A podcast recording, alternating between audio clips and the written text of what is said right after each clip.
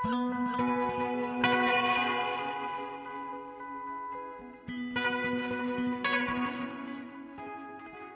sæl og blessuð, við sjá helsar í mæbyrjun hér í Vestubæ Reykjavíkur í góðu veðri. Fangelsi Jæja Hassan, Simón de Beauvoir og Ljóð fyrir þjóð í Vísjá Já, einhvern veginn svona. Danska ljóðskáldið Jæja Hassan, hann andaðist í síðustu viku aðeins 24 ára að aldri.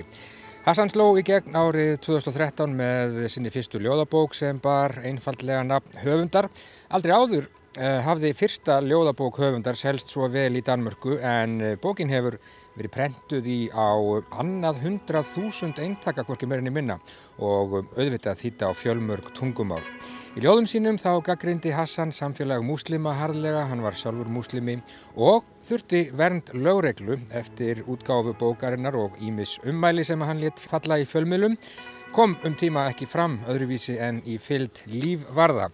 Jæja Hassan beittur, reyður, augrandi, jafnvel ofbeldisfullur, vinsæl en sannarlega umdeildur. Í nógumber á síðasta ári þá kom út bókin Jæja Hassan 2 en fyrir hana hlaut Hassan tilnefningu til bókmyndaverluna Norðurlandaráðs. Við fjöllum um þetta aðteglisverða skáld í Víðsjá í dag og ræðum við rítöfundin Eirík Örn Nordal. Eiríkur fylgist vel með Jæja Hassan og ferli hans við ringjum vestur á Ísafjörð hér rétt á eftir.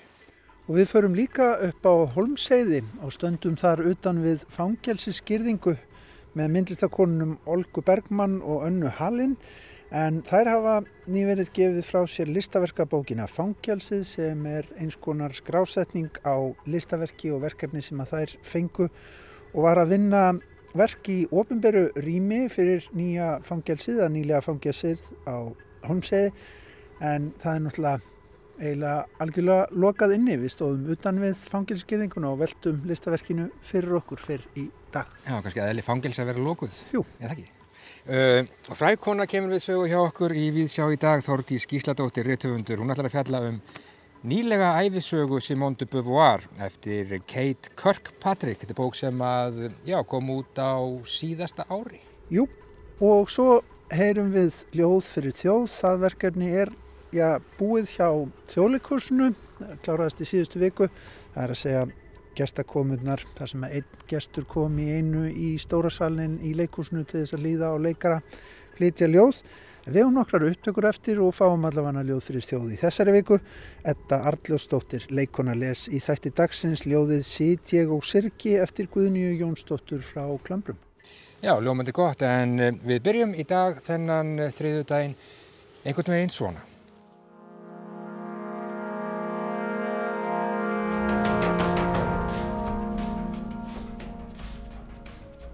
Fem børn på række og en far med en køl. Flere græderi og en pøl af pis.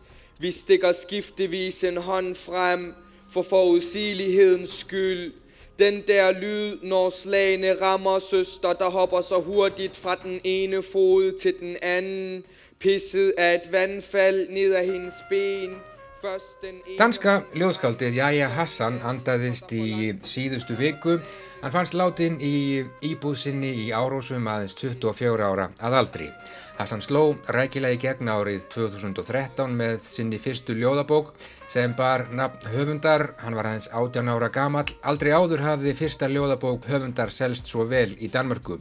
En bókin hefur verið prentuð í á annað 100.000 eintaka og þýtt auðvitað á fjölmörg tungumál.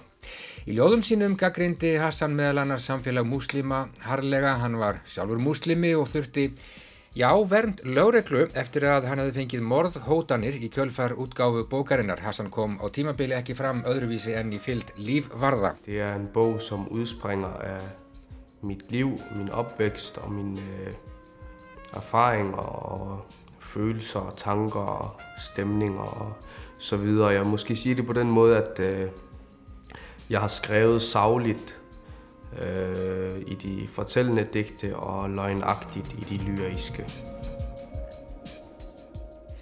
Sagt var að með þessu verki og með ímsum ummælum sem að Hassan hafði uppi í fjölmjölum hafi hann hrist rækilega uppi í dönsku samfélagi en í verkinu þá lýsir hann meðal annars uppvexti sínum í innflýtjenda hverfi í árósum í skugga gengdarlaus ofbeldis, bókstafstrúar og hræstni. Hann lýsir veröld upptöku heimela, úrræðum, félags, ráðgjafa, lögurglu, afskiptum. Alla þessa aðilalætur hann hafa það óþvegið og kannski sjálfan sig um leið. Í nógumber á síðast ári þá kom út bókin Jæja Hassan 2 en fyrir hann hlaut hann tilnefningu til bókmyndaveluna Norðurlanda Ráðs.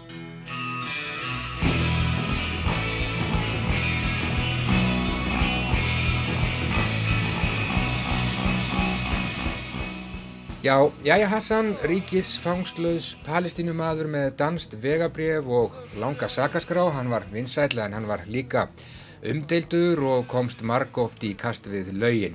Hassan var já af palestinsku bergi brotin fættur í árósum þann 19. mæi árið 1995 en foreldrar hans fluttu frá Líbanon þar sem þeir byggu í flottamannabúðum til Danmörkur á nýjunda áratug síðustu aldar.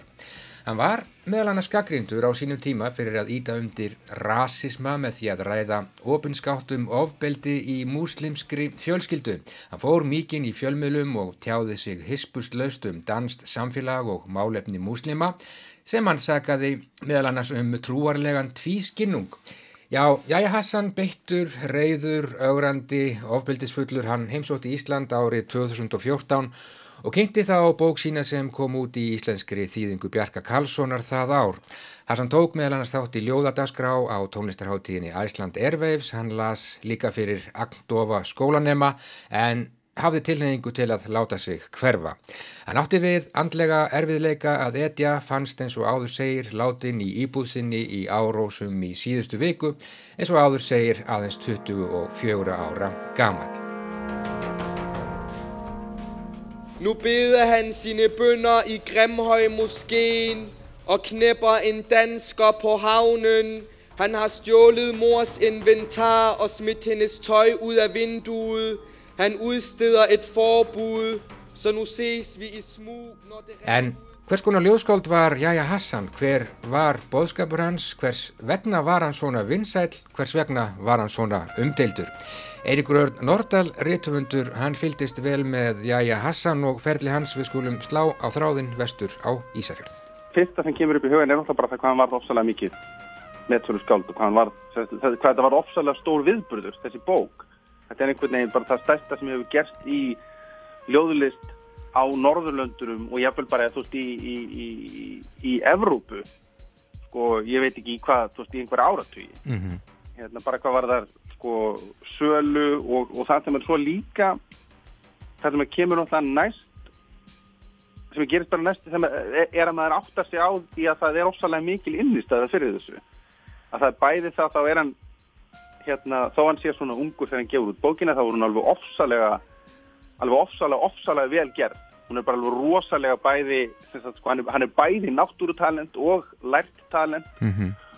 og síðan sagt, er hann að tala frá stað sem að maður sá ekki mikið, sem að maður heyrði ekki mikið frá og, hérna, og gera það svona gjörsamlega umbúðalust og það er svo sársökafullt og það er svo ofbeldisfullt og það er svo fallegt og það er svo ljótt og það er svo, það er svo, það er svo yfirfyrmandi Hann var, hérna, gott, hann var gott ljóskáld Hann var ofsalega gott ljóskáld mm -hmm.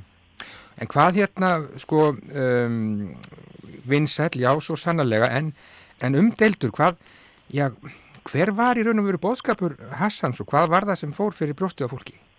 Sko, það sem er fór náttúrulega fyrir brjóstið á fólki, hann er svolítið, sko, hann er náttúrulega, maður verður að skoða hann, í grunninn er hann náttúrulega, eins og hann lýsir sjálfum sér, þá er hann, hérna, sko, palestinumæður með danst vegabref, mm. það er mhm. ríkisfangslaus palestinumæður. Hann er fættur, hann er einhvers konar, sko, afleðing bara hennilega af heimsvaldastefnunni og hann er alast upp í landi sem fleiri og fleiri sjá sér tilefnið til þess að kenna bara hreinlega við ríkisreikin rasisma, ekki hérna, til dæmis bara síðasti uh, bókmyndölana hafið Norrlandaráðs, Jónas Eika, hérna, uh, og hann er, hann þrýfst allar tíð sko, sem sagt, hérna utangarð í öllu, eins og hann skrifar sko í fyrirbókinu þá skrifar hann sko ég hata, hvernig var þetta, ég hata landið hérna uh, sem var ykkar, ég hat landið sem varð okkar, ég hata landið sem sko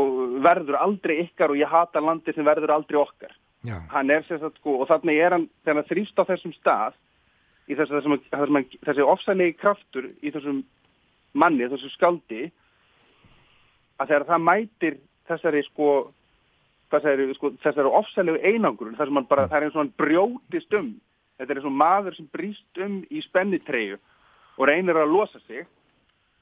Og hérna, og hann náttúrulega skemmir ótrúlega mikið í kringum hann, hann veldur náttúrulega bæði í, sko, í ljóðabókum sínum en síðan líka bara hreinlega í lífisinu og þá er hann það er ósæðilega mikið ofbeldi í kringum hann. Já.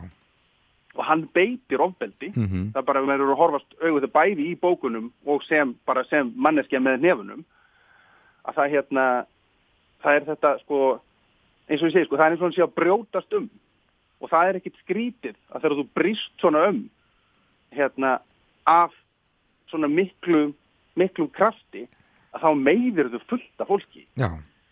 Jeg ser nogle digte som et, øh, et opgør eller et oprør, øh, eller hvad man skal kalde det, øh, med min opvækst og med visse ting. Jeg viser min utilfredshed, øh, og jeg fortæller, hvordan øh, det har været øh, at vokse op.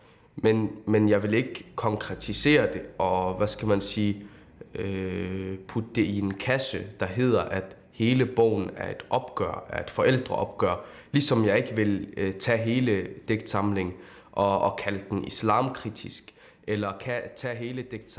og kalde Og ekki síst orð hans um já, málefni, málefni múslima í, í Danmörku, það var ekki, ekki síst þau sem að, sem að Ollu Fjadrafóki, hann var að, uh, já, hann var mjög reyður út í, út í kynnslóð foreldra sinna, þessa fyrstu kynnslóð innflytenda sem hann sagði hreinlega að hefðu, hefði bara, já, skemmt börnin sín og leitt þau út á, á ógæfubraut. Þetta voru orð sem, sem uh, fóru ekki vel í marga og margir töldu að hann væri jafnvel að, já, íta undir einhvers konar rasisma. Já, hann náttúrulega var sem sagt, það sem að fólk hérna, hafði áhyggjur á alveg, alveg með réttu en náttúrulega það, hann, sem sagt, þetta, er, þetta er orðræða, þú, þú, þú matar sko danska þjóðaflokkin á, þú ert að mata hann á upplýsingum um allan þeina vankanta sko. Mm -hmm. Að það er það sem þú ert að gera þú ert að, þú ert að gefa Píu Kerskort alveg ótrúlega mikið af skotfærum til þess að, þess að hérna, til þess að skjóta niður samfélag samfélag innflytenda. Skáldskapurinn er ekkit færum neitt annað heldur en að þú gera sitt besta til að segja sannleikan Já. ef það er, alv er alvöru skáldskapur Mm -hmm.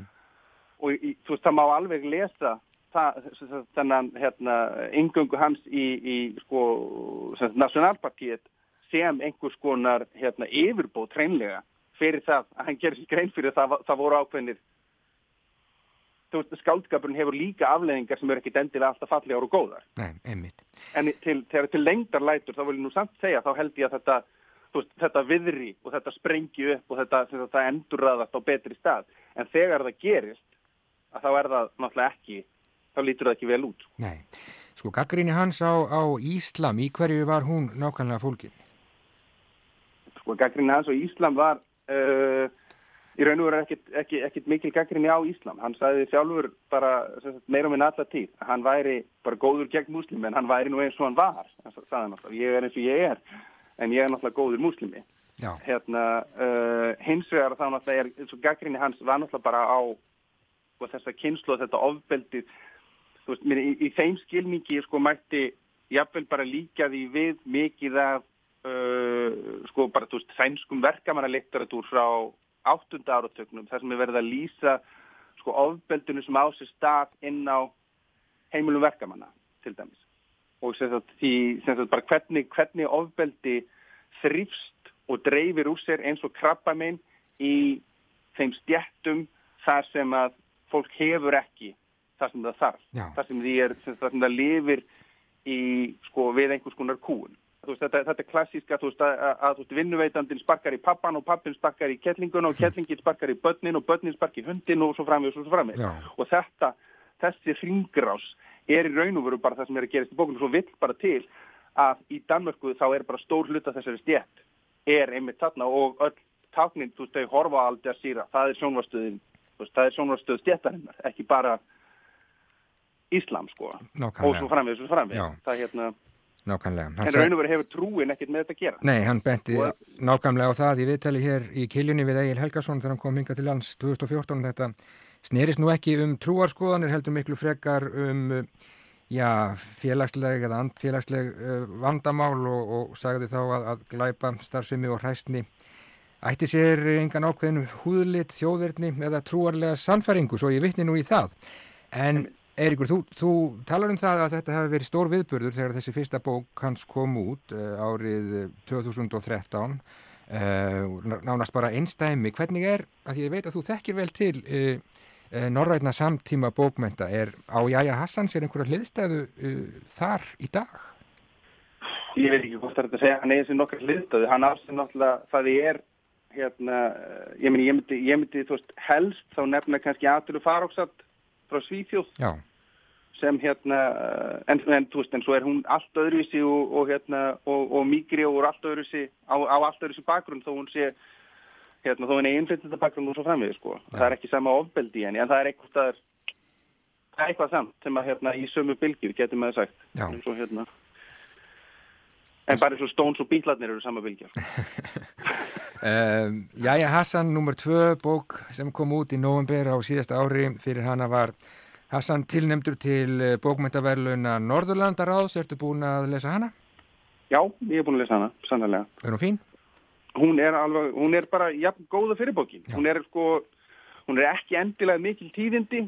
Þegar maður hefur lesið hann einu sinni þá er hún ekki svona, þú veist, hérna, hún er augljóslega önnur bók höfundar sem er enn að vinna í sömu rött og eins og margir hafa bent og Haugur Ingvarsson til dæmis talað um á, á bara Facebook nýlega að þá er svo skrítið, maður var alltaf að búast við því að þessi maður er því fullorðin og það var svo áhugavert að vita hvernig skrifar hann þegar hann er 30, 40, 50 Já, að hérna og það var svo gaman og það var svo, hérna, það var svo mikið von í því að fá aðra bók frá þessum manni sem var, maður, maður var ekkit viss hvort þetta væri eitthvað one hit wonder, hann hefði bara hitt á einhvern þráð sem hann hefði getað dreigið upp sem að gerist, en það er svo augljóst á nýri bókin að það var ekki þetta var þetta bara, þetta var miklu stærra og þetta Já. var miklu sagt, fastara í honum og mikið meira fáum við ekki frá Jæja Hassan, hann andaðist í síðustu viku, fannst látin í íbúð sinni í Árósum, hefur eh, bara undir lokin Eiríkur, hefur ljóðlist Hassans skipt þig svona persónulega máli bara sem, sem, eh, sem ljóðskáld? Já, ég held það og bara sem mannesku, hreinlega, mhm. held ég hérna. Nákvæmlega. Látum það verða að loka orðin. Hvernig er veðrið á Ísafyrði, Eiríkur Örn Nordal? Það er sól og blíða Gott að heyra og uh, við skulum bara vonast til þess að, ljóðinans Hassans þau eftir að rata víða eins og áður segir hann er allur aðeins 24 ára að aldrei takk herlega fyrir spjallið Eiríkur Örn og bestu kveðjur vestur. Takk. Bringer de med sig. Jeg er ikke det værd, I siger, I er. Jeg vil til luderen. Jeg vil bebrejde hende lysternes elendighed Deres forplantning i min sjæl. Hvis jeg kan gøre krav på den i dette århundrede. Min kokain-sjæl, min internet-sjæl Min porno-sjæl, min pengesjæl Min fængselsjæl Tag mig endelig til fange. Jeg har flest fædre på den skyldige side af hegnet. Giv mig tavsheden, voldtag min krop for Allah gør det.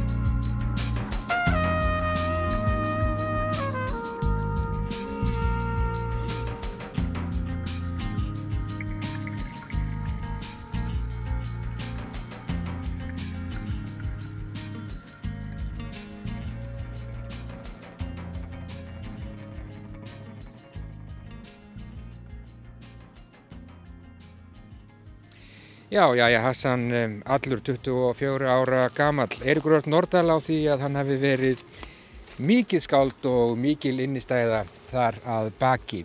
Það má minna á það í framaldi af þessu að á menningarvef Rúf þá má lesa umfjöllun um Jæja Hassan eftir Júliu Margreti Einarstóttur. Þar má einnig heyra viðtal sem að Elisabeth Indra Ragnarstóttir átti við Hassan þegar hann heimsótti Ísland eh, haustið 2014, þetta var flutt hér í Víðsjá nákvæmlega þá og fróðlegt að heyra og sjálfsagt að benda hlustendum á það, þetta er samt einhvern veginn afskaplega sorglegt allt saman. En þá ætlar Þórtís Gísladóttir reytöfundur að segja frá bók sem að hefur beðinnar á náttborðinu. Það er nýlega æfisaga um hinn að merku Simón de Beauvoir. Undir lók síðasta árs las ég í Erlendum vefmiðli að ný æfisaga Simone de Beauvoir var komin út. Hún heitir Becoming Beauvoir Alive og er eftir Kate Kirkpatrick, fræðikonu við King's College í London. Fyrir áratugum las ég æfiminningar Simone de Beauvoir og ég hef lesið nokkrar æfisögur hennar og æfisögur samferðamanns hennar gegnum lífið, Jean Paul Sartre, en verandi haldin mikilli og óslökkvandi æfisagnagræðki blossaði upp hjá mér áhugi á að lesa þessa nýútkomnu bók. Á meðan ég reyndi í huganum að sannfæra sjálfa mig um að mér vantaði ekki 500 sína æfisögu. Ég var í búin að lesa nóg um Simone de Beauvoir og ég hefði nóg annað að lesa. Tók ég, líkt og ósjálfrátt, skjáskot á síman af kápumyndbókarinnar, byrti svo myndina á samfélagsmiðli og tjáði laungun mína til að lesa þessa bók. Svo snýr ég mér að öðrum verkefnum og reynda hætta að hugsa um hvort eitthvað farveitnilegt gæti mögulega komið fram í nýri æfisögu Simón de Beauvoir. Næst þegar ég leita síman minn sá ég að ég hefði fengið skilaboð. Byrna Anna, netvinkona mín sem býr í New York, saðist lítið muna um að útvega mér fyrrnemda bók. Hún tók ráðin í sínar hendur og nokkrum vikum síðar kom pappi hennar við á skrifstofinu hjá mér við tungutuna og afhendi mér æfisögu Simone de Beauvoir. Il s'agit là d'un choix et d'un choix qui est défini par tout l'ensemble précisément de ma conception du monde. Alors il y a toute une conception du monde qui est euh, mûrie, réfléchie, élaborée, soutenue à la fois par l'expérience, par des lectures, par des réflexions et qui m'amène à choisir une idéologie plutôt qu'une autre. À ce moment-là... Í bókinni Becoming Beauvoir má segja að sögð sér sagan af því hvað gerði Simone de Beauvoir að þeirri manneski sem hún varð. Konunu sem fættist árið 1908 og skrifaði eitt grundvallar ritt feminista hitt kynið, Deuxième Sex, múrsteins þygt verk sem kom út árið 1949. Útgangspunktur bókarinnar er spurningin hvað er kona og niðurstaðan er í stuttumáli manneskja fæðist ekki kona heldur verður kona. Orð sem miklu bleki og mörgum orðum hefur verið eitt í að ræða og tólka. Bóvuar hafnaði ríkjandi hugmyndum um meðfætt og náttúrulegt sér eðli kvenna og lagði grunn að því sem hefur verið kallað mótunarhyggja. Kate Kirkpatrick las við skrif þessara nýju æfisögu áður óbyrtar dagbækur Símón og sendi bref sem nýlega hafa verið dreyin upp úr skuffum og niður af háaloftum. Hún les þessi verk, beinir skörpum sjónum að heimsbyggikenningunum og samböndum Símón við fólk, ekki síður annað fólk en Sján Pól Sartre, sem hefur að mörguleiti yfirskikt alla hennar lífsögu. Það hefur endalust verið fjallað um ástarsamband þeirra og samstarf og í því samhengi, segir Kate Kirkpatrick, hefur Simón de Beauvoir oft verið sínd sem ekki sérlega frumlegur hugsuður sem byggði á hugmyndum og kenningum Sartre. Síðan öfnin Simón de Beauvoir og Jean-Paul Sartre sleginin í leitarvélina ómissandi, tímarit.is, kemur ímislegt upp sem stiður orð æfisagnahöfundarins. Ég tek nokkur mjög tilvíljana kent gömul dæmi. Í lífi og list árið 1950 stendur De Beauvoir er einn af hennu mjög fágætu og ábyrða þroskuðu lærisveinum Sarts. Í morgumblæðinu 1956 er fjallaðum skaldsögu Símondu Beauvoir Mandarínana sem hún hlaut Goncourt verðlunni fyrir. Þar er hún kolluð hofgiðja existensialismans og Sartre hlýtur þá að sjálfsögðu að vera æðstipresturinn. Í ingangi greinarinnar segir um de Beauvoir að hún hafi, og ég vitna beint, meiri áhuga á að tala en borða eins og svo margar kynsistur hennar. Síðan er hægt að halda áfram, morgumbladið árið 1958 segir Símón Tryggasta Lærisveit Sartre og árið 1960 er hún einni sögð Lærisveit Sartre. Í heilsíðu viðtali sem byrtist undir yfirskriftinni Fötin og ég og undir titillin sem raunar með starra letri en yfirskriftin og liggur yfir miðja síðu er Of gömul til að klæðast rauðu. Viðtalið er vissulega þematengt, það fjallar um föt, hárgreðslur og útlitt, en það segir margt um hvað fólk hefur í gegnum árin helst vilja ræða við konur. Þegar ég las þetta viðtal varð mér hugsa til endurminningabókar eftir Margaret Atwood þar sem hún segir frá því að þegar hún ferðaðist um og las upp úr bókum sínum á fyrstu árum höfundaferilsins vildi fólk sem mætti á upplestrana hennar yðurlega ræða um hárið á henni, mun síður um bókmyndaverkin. Simon de Beauvoir hefur kynsluðun saman haft áhrif á vangaveltur okkar um hvað það hefur í för með sér að vera kona og hún bendi á að mörg tækifæri standa konum mun síður til bóða en körlum. Kate Kirkpatrick nota dagbæku Símón sem fræðumönnum hefur nýlega verið veittur aðgangur að. Það er sína að dagbókarskrifarinn, jafnvel þó að hún hafi haft trú á frumlegum kenningum sínum og hafiði búið yfir umtalsverðu sjálfströsti, var sífelt plöguð af sjálfs Eva. Hún var kona sem livði og starfaði af mikilli ástríðu, hvort sem um fræðimennsku, skaldskaparskrif eða sambund við fólk var að ræða. Og Kirkpatrick sínir einni fram á að allt líf Simón og samband við Jean-Paul Sartre var þrúað af heteronormatífum hugmyndum.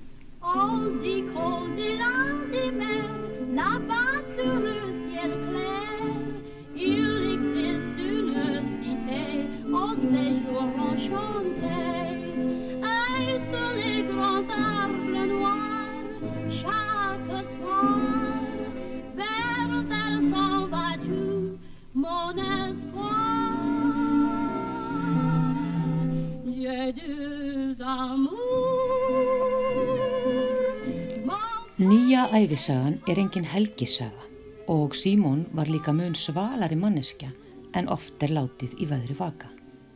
Skiptir það máli? Já, mér finnst það. Hún var heimshorna flakkari sem umgegst Picasso, Josephine Baker, Louis Armstrong og Miles Davis. Charlie Chaplin og Le Corbusier djömmuðu með henni í New York. Og anþess að ég láti kvartla að mér að reyka áróður fyrir vímuefnanislu, þá sagðist Simon de Beauvoir eitt sinn hafa reykt sex jónur í partíi án þess að verða út úr skökk. Það er auðvitað óþarfi að gera lítið úr mikilvægu sambandi sálufélagana Simondu Beauvoir og Jean-Paul Sartre. En það er mjög þrengjandi og niðurnjörfandi að hugsa aldrei um hana án þess að skuggi hans vomi yfir henni. Nýja æfisagan sínir það glögglega. Kæru lustendur, nú er komið að lokum þessa pistils. Hverju var ég aftur að velta fyrir mér upp af hans? Uh, jú, alveg rétt. Spurningin var vantaði mig nýja æfisögu Símondu Beauvoir. Vantaði okkur öll nýja æfisögu Símondu Beauvoir. Svar mitt er afdráttalöst, já. Reglulega er þörfa að skoða og endurskoða allar sögur og velta við nýjum steinum. Og engin saga verður nokkun tíma full sögð. Ég lík þessu með loka orðum bókarinnar. Augnablikin í lífi hennar voru ótrúlega marg slungin og fjölbreytileg. En ef það er eitthvað eitt sem hægt er að læra af lífi Simóndu Bóvuar, þá er það eftirfarandi. Engin verður hún sjálf algjörlega upp á eigin spýtur.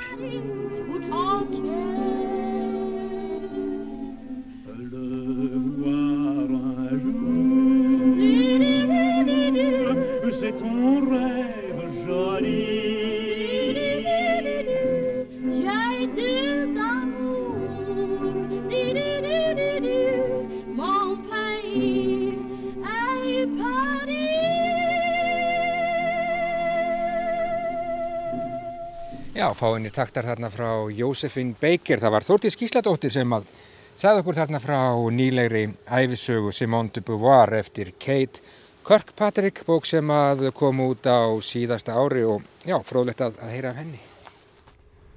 En hér erum við farin í ferð upp á Holmseiði. Við göngum í sínu með tveimur myndlistakonum, Olgu Bergmann og Önnu Halin. Við heitum þær fyrr í dag til þess að ræða já, innilókun og myndlist myndlistarverkefni sem er unnu fyrir fangelsið á Holmsheiði.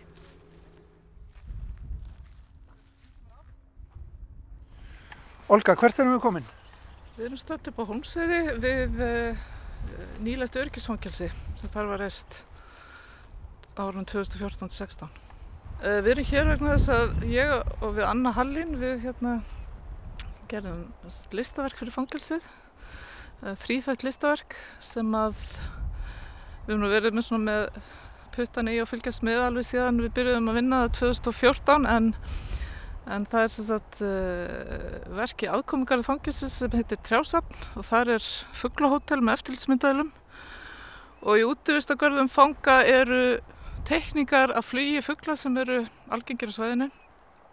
Það sem við höfum reynda elda reyfingu fugglana í loftrýminu og yfirfærða yfir í tvíviða teikningar sem síðan voru frestar og hognar út í steinstilta veggi í útvistakarðan og síðan lögum okkur inn í fangelsi sko, það var búið til samkeppni um listaverk áður en að fangelsið var, var byrjað að reysa fangelsið og við og hérna samkeppnissvæðin voru hlutandýra en við lögum okkur inn á bókasafni með því að vera með eftirlitsmyndaðlar í trjásafni og fugglahótelum sem að sest, varpa myndefni inn á bókasapfókjusisins þar sem starfsmenn og vistmenn geta fylgst með lífi fugglana.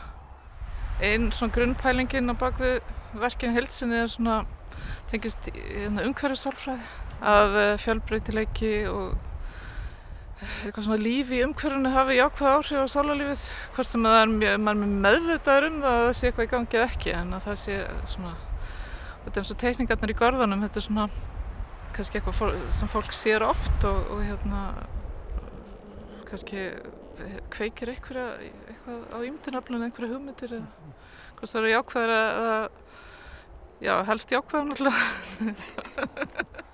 Anna, þegar hvernig var að fylgjast með fugglum og að hérna, reyna að skrásetja flug þeirra? Það er nú ekki mjög auðveld. Nei, við vorum, það tók svo litið tíma, við vorum bara, bara gerð út í bussin bara og tekna og tók með okkur uh, kaffi og, og hérna pappir og penna og bara og reyna bara fylgjast með og tekna og tekna fullta tekningar. Uh, vorum líka með sumur hérna við, við fengum fugglafræðingu með okkur til að hjálpa okkur. Til að fyrst skrásetta hvað skonars fugglar er á þetta svæði það er rosalega mikið fugglar á Holmsheiði hérna um, og svo bætis auðvitað við fugglar sem kemur líka þegar kemur bygging. En som sagt, við tekna og tekna og svo fekk við líka hjálpst á fugglafræðing og þá hefði við, hann kendi okkur og var með, þú veist, mann er með hljóðitt á þeim om það kemur ekki, svo spila mann hljóðitt upp og upptökum og þó kemur oft kallfugglin og allar rýfast og þó getur mann fyllt með hvern hann flói í, en það eru þetta þrývitt þrývit reyfing sem við reyndum festa í tvívit og svo fekk við, þegar við komum með eitthvað tekningar sem við fannst svona ok þá hérna e, síndi við fugglafræðingin það og sagði get þetta vera þúvittilling, get þetta e, vera rafn hérna, og hann svona samþykki, ok, þetta já, hann, að þessi tekningar er ekki til eða hefur ekki verið skrásetta þann hátt áður. Sko, það að bara að fylgjast með fugglum, getur maður ekki fengið fuggla bara á heilanum út af það færðin, náttúrulega fugglafræðingar eru með, með á heilanum. Jú, jú, jú, við fengum ímsletta heilan reyndar við að gera þetta verkefni. Við erum miklu fangelsisfræðingar og hérna, og jú, jú, fuggla, þetta er reyndar svona ákveðin vinsalt að kalla listrannsókn, já, sem var mjög áhugaverð og það er náttúrulega gaman að gera verkefni þar sem maður lærir ímislegt í leiðinni, sko.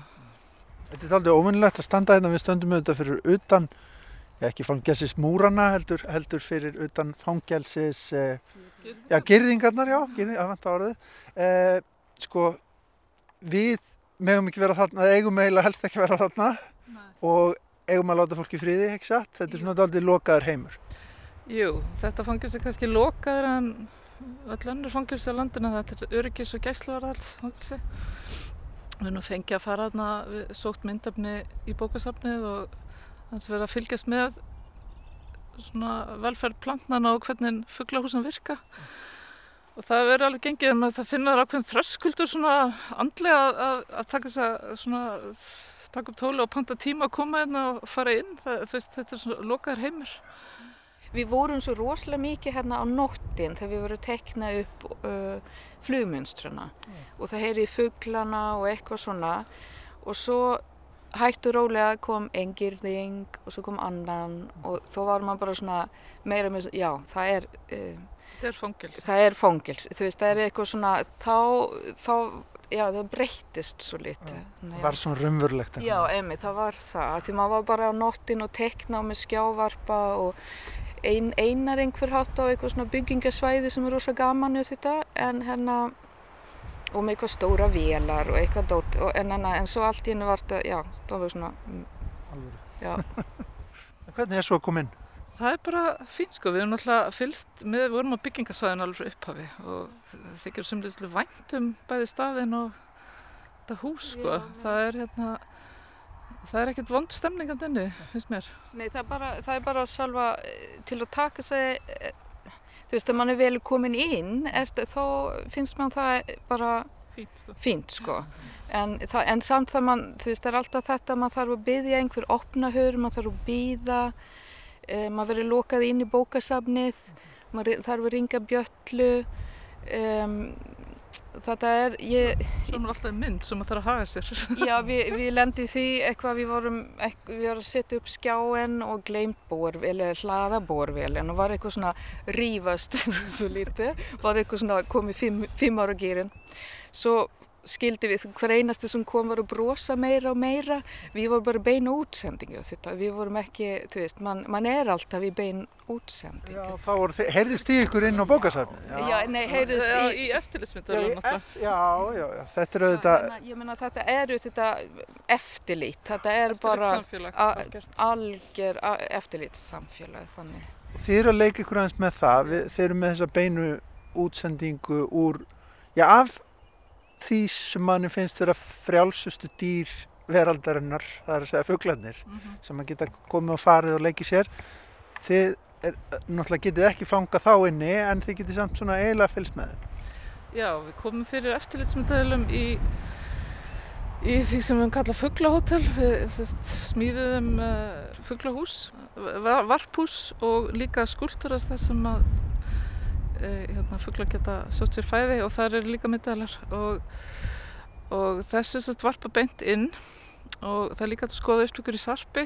og þetta er náttúrulega svona aðeins leikur með eftirlit og pínlítið með þetta með myndin í mynd. Maður hefur svo um sko þess að hugmyndum mísin aðbyrð með því að mynd endur tekur sér alltaf mingar mingar mingar það er eitthvað svona heimur inn í heimi. Mhm. svolítið það líka að fólk er inni og, og er undir eftirliti og er með eitthvað undir eftirliti en það er rétt, fugglarnir eru náttúrulega komið að fara eins og sínist og þetta kom líka og við, í undurbúning á þegar við varum vinna þetta verkefni fóru við og tala við fangar upp á hérna Littlarraun fóru á kvennafangilsett og, og það kom upp osku, oskir um uh, gæludýr.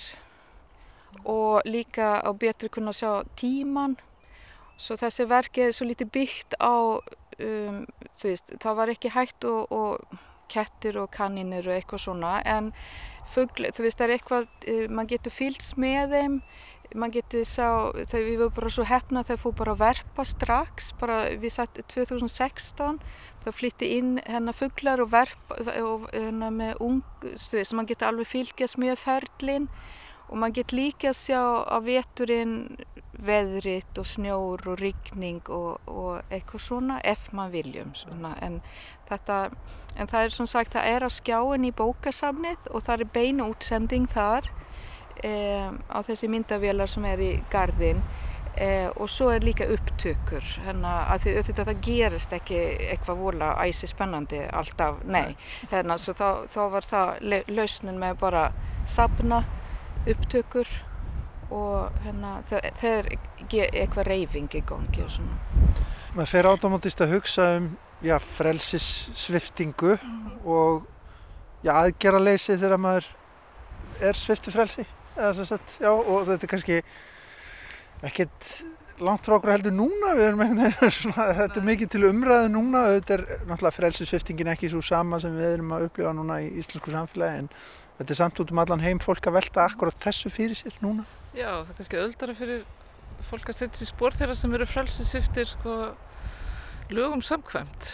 Við rættum þetta mikið það var aðurinn að þetta ástand heldist yfir sem við erum búin að vera upplifað undarfarið að það væri erfitt að að ímynda sér frelsissviftinga á þess að hafa upplegað sjálfur. Og það er kannski fleiri sem getur sett sér í þessi spór núna. Mm -hmm. og þurfa að hugsa um svona takmarkarnir í lífinu og hérna, fara eftir reglum og býði byðru og þetta.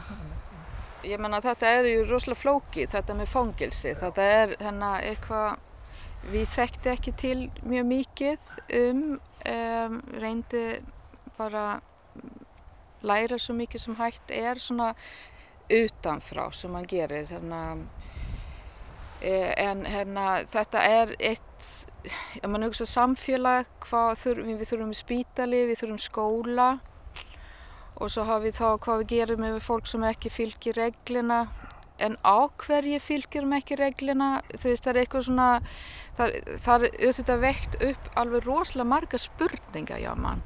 Um, og hver spurning býr til margar spurningar í viðbúð? Já, í raunin, ég menna að þetta er bara um, opnar heilan boks með spurningar að því þannig er þetta mann longar ekki vera með fóngilsi í eitthvað samfélag, mann finnst það að vera úreld einhver hátt. Og svo líka eru í söguna hver mann hefur lokað inni, samkynni fólk, hérna, fólk sem er Um, hérna, með, pó, með pólitísk skoðun. Þú veist þegar mann hefur þetta mísnota þetta vald alveg gríðarlega gegnum tímana. Og mann hugsa hvað líka í framtíðin það, við erum með þetta núna um, og þá var líka, nú veit ég ekki alveg en þegar við vorum að taka myndi mikið þá var þetta bara fullt bókað ja. það var bara ný, svona frika nýbúin taka í notkun og, og það sorglega var það bara strax stútfullt. Og mann mann segir þá hvað samfélaga er, þú veist það er eitthvað svona samfélagsspurningar sem hvað getur við ekki gert eitthvað betri með þetta? Þannig er alls konar svona sem mann er auðvitað langar að vera endurhugsað. Þannig kannski ástæðan fyrir því að ég dregur hér út í upp á heiði. Hérna, ég rakst á þessu bók ykkar um fallegu bók sem að, hérna, heitir bara Fangjálsið og er um þetta verkefni.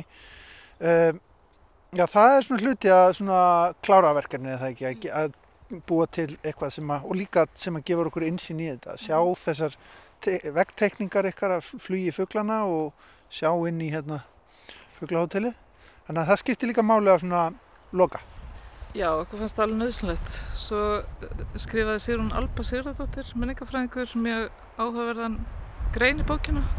Okkur finnst um einmitt eftirlit samfélagið og, og frelsi, eh, hugmyndir og frelsi og líka hérna, svona, þekkingu líkamanns og, og rými allt mögulegt sem okkur fannst gefa þessu líka áhugaverðan hérna, svona grunn og, og já, bókin er sagt, eins og pílitt loka nikkur af verkefni, getur maður sagt. Já, það er líka, og svo er hennar Rannsó eh, skrifa ingangurinn og þá með að tala um myndlist í ofinbært rými, af því þetta flokkast undir það og þá er þetta myndlist í lokað rými, hennar, eh, eða lokað inni, hennar, og þá fannst okkur líka náðsynlegt að gefa út um bók um, um verkið til að, hennar, eh, fleiri getur sjá hérna hvernig það lítir út og, og pælingarna bakvið og eitthvað svo les bara gera meira ofinbært Vitið þið eitthvað um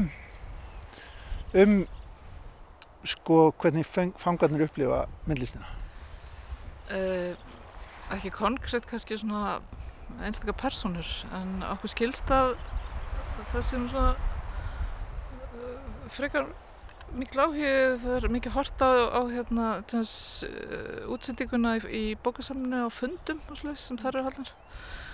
Og, og hérna margir starfsmenn mjög spenntir þegar hérna líka við hittum þá nú meira alltaf við, við erum ekki, við ætlum að verða fríðhelgi fanga, við erum ekkert að abbast upp á þá sérstaklega en hérna Það er, já, það er eitthvað svona, ég meina það er nóg af eftirlitsmyndalum í gangi fyrir það að fylgjast með, en þeir fylgjast gætna með þessu líka. Sko. Já, þau vildi fá, þau varu byggja um að fá þessi frá fuglahótelin inn til sín líka, já. með allir hennar skjá sem þau eru með. En auðvitað það er svo lítið blandi póka, ég meina bæði já starfsfólkið, en að sömu finnst það mjög fínt og sömu finnst það algjör rögl, sko. Það er svona óþarfi?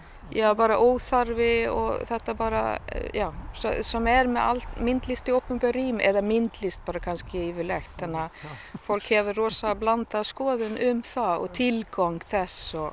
Og það er líka bara fínt? Já, ég menna þarna er bara, man, ég menna, mann reynir sitt besta og leggja fram eitthvað og gera það svo vel sem mann getum en hvernig það svo verið tekið móti. Mm -hmm.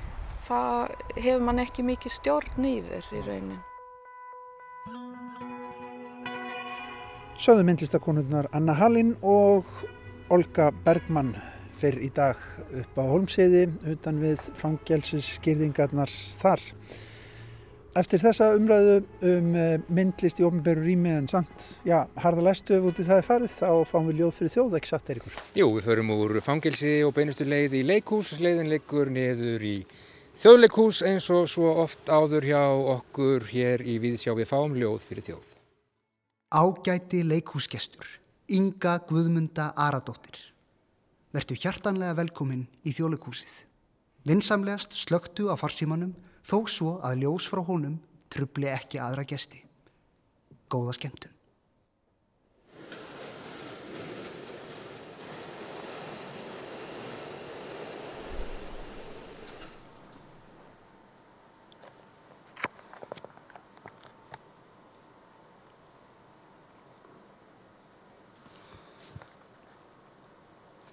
Sitt ég og sirki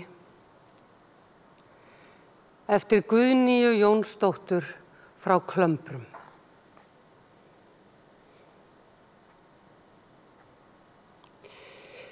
Sitt ég og sirki mér horfin, sárt þreyða vinin, er lifir í laufgræna dalnum, þótt látin sé ástinn. Fjöll eru fyrnindi vestra, hann fælst þeim að baki. Gott er að sjá þig nú sælan, þá sigrar mig dauðin. Heldur var hart þér í brjósti að hót einam klökna, er sviftir mig samvist og indi, mér svall það um hjarta. Horfið var mál það af harmi, er hlaut þig að kveðja. Sárt réð þig gráta úr gardi, ég græt þig til dauða. Leiðast mér langvinnir dagar, en lengri þó nætur. Heims er því horfin öll kæti, til himna vill sálinn. Sorgin mér syrtir í augum, ég sé ekki að ganga, en veit að fá eru fetin, uns fæ að sjá ljósið. Gott er að ganga til kvildar og grátinn að sopna. Betr er að vakna til blíðu, brosir mót eilífð. Söngin þann hefja hinn sæla er síst vildir heyra, þá með þér ég dvaldist í mæðu sem mér var þó dölin. Leist mig títt ljúfur, ég leit þig á móti. Leiðstu mig illa er áttir, en ég leit þig kæran. Líttir mig sög fyrir litla, því líðam á harma. Þú lítur mig loksins í hæðum, en lítir þá ekki.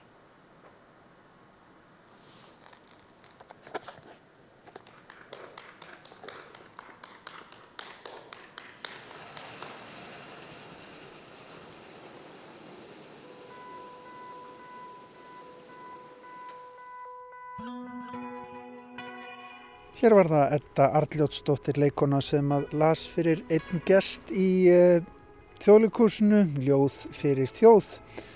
En það verður að fækka í ljóðasendingunum úr þjóðleikúsinu við eigum þó eftir eins og tvö ljóð fyrir ykkur hlustendur í þessari viku allavega. Já, og einhvern veginn svona þá ætlum við að ljúka viðsjá í dag þennan þriðudaginn. Verðum við aftur á okkar tíma löst eftir klukkan fjögur á morgun og ætlum þá meðal annars að fjalla um nýjan Púlitsi verðlunu hafa í bókmyndum ansið merkilegur maður meir um það á morgun. Verðið sæl.